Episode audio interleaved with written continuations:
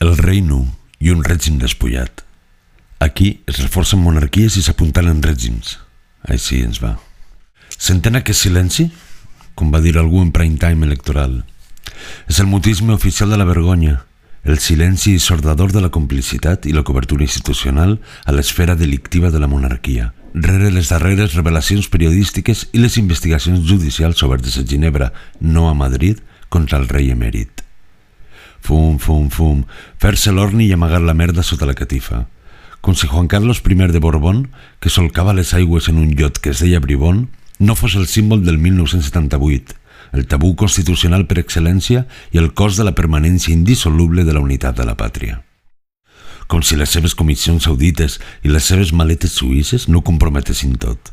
Un rei despullat enmig d'un règim nu, enmig de tones de silenci. Per no gaire més cauen governs i es proclamen repúbliques.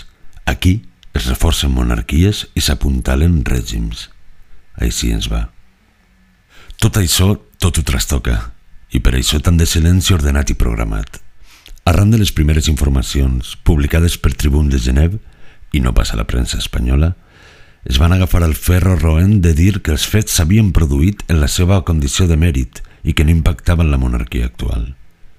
Fins que va venir la realitat a espatllar-ho. I esperint-se que encara suraran moltes més coses.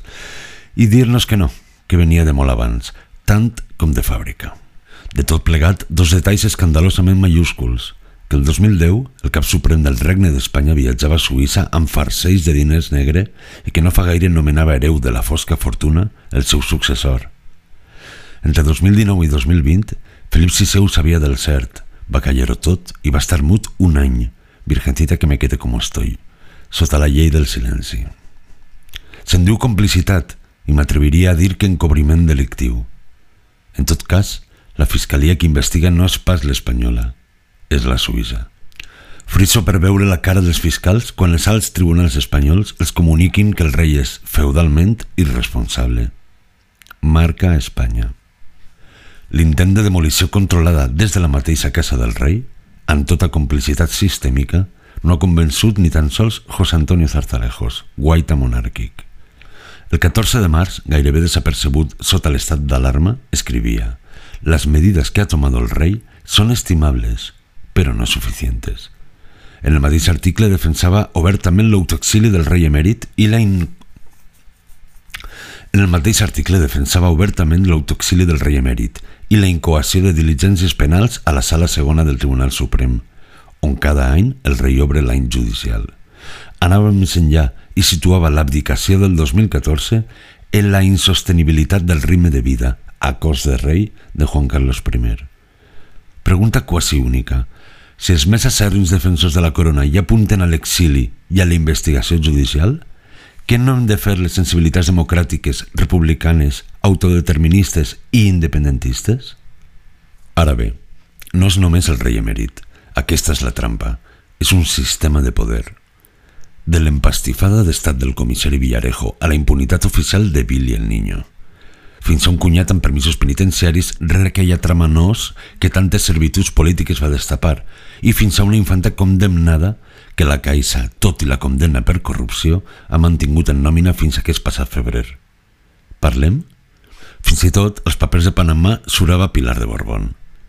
Ara bé, si volen la màxima paradoxa no nacionalista, el que més em sorprèn és el silenci dels anyells patriòtics respecte a un fet neuràlgic – esdevingut cirereta final, com han tancat la boca davant del fet que les morterades cobrades pel rei de tots els espanyols ni tan sols remetien a comissions brutes en defensa dels interessos econòmics espanyols, sinó tot el contrari, és a dir, en contra.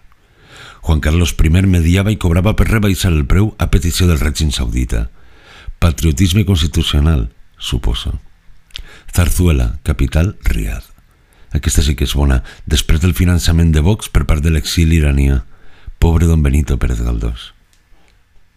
I una darrera constatació, quan la comparativa amb la caiguda del pujolisme és inevitable. Des d'aquella mediocre i roïna indignació selectiva de qui s'escandalitza només segons qui sigui l'escandalitzador.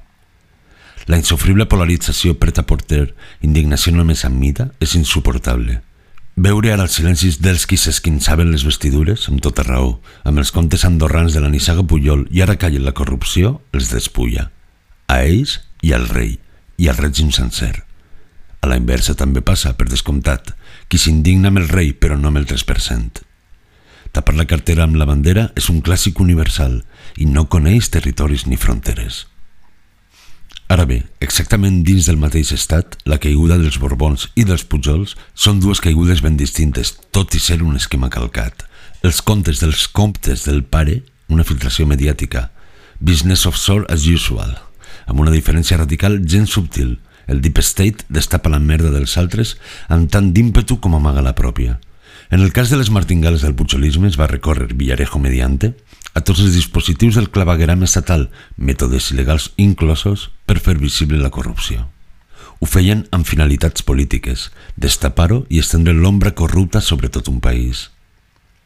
En el cas de la monarquia s'ha recorregut al mateix aparell amb idèntiques finalitats polítiques, però sentit contrari, amagar-ho. En el cas del pujolisme, els fills van provocar d'invocar el nom del pare per salvar-se inútilment – en el cas dels Borbons, el règim invoca el fill perquè no caigui el sistema.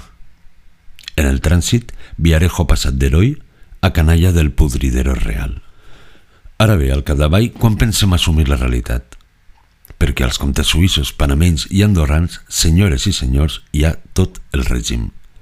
El rei i Emilio Botín, Pujol i un vicepresident del Barça, l'expresident de la COE i un líder miner de la UGT, Rodrigo Rato i el tresorer del PP, el narcoempresari del port de Barcelona José Mestre i un exdiputat del PSC, i Manuel Lao i Bertín Osborne. Aquest rei en pilotes està despullant tothom, un cleptòman protegit pel cinisme d'estat. Ara, no ens enganyem, no és d'ara, és de sempre. Quan el gener del 2001 van detenir i empresonar el periodista Pepe Rey per publicar un mes abans la primera biografia no autoritzada d'aquell rei, escrita per Rebecca Quintans i on ja surava bona part del que sabem, un inspector de policia, gens malcarat, va baixar a la cel·la i li va dir «Però Pepe, en què país te piensas que vives?» Aquell poli encara s'ho pregunta avui i ens ho pregunta encara 20 anys després. Postdata. Que mai haguem de dir «Ya somos todo aquello contra lo que luchábamos», com va escriure Pacheco. Mirall del temps, avui és 15M i donaria per un coral romput sencer. I més veient el govern més progressista de la història, via PSOE, en contra de la creació d'una comissió d'investigació parlamentària. Però la resta no estem fent tard, per decència, en impulsar una iniciativa plural republicana d'acusació popular contra Juan Carlos I?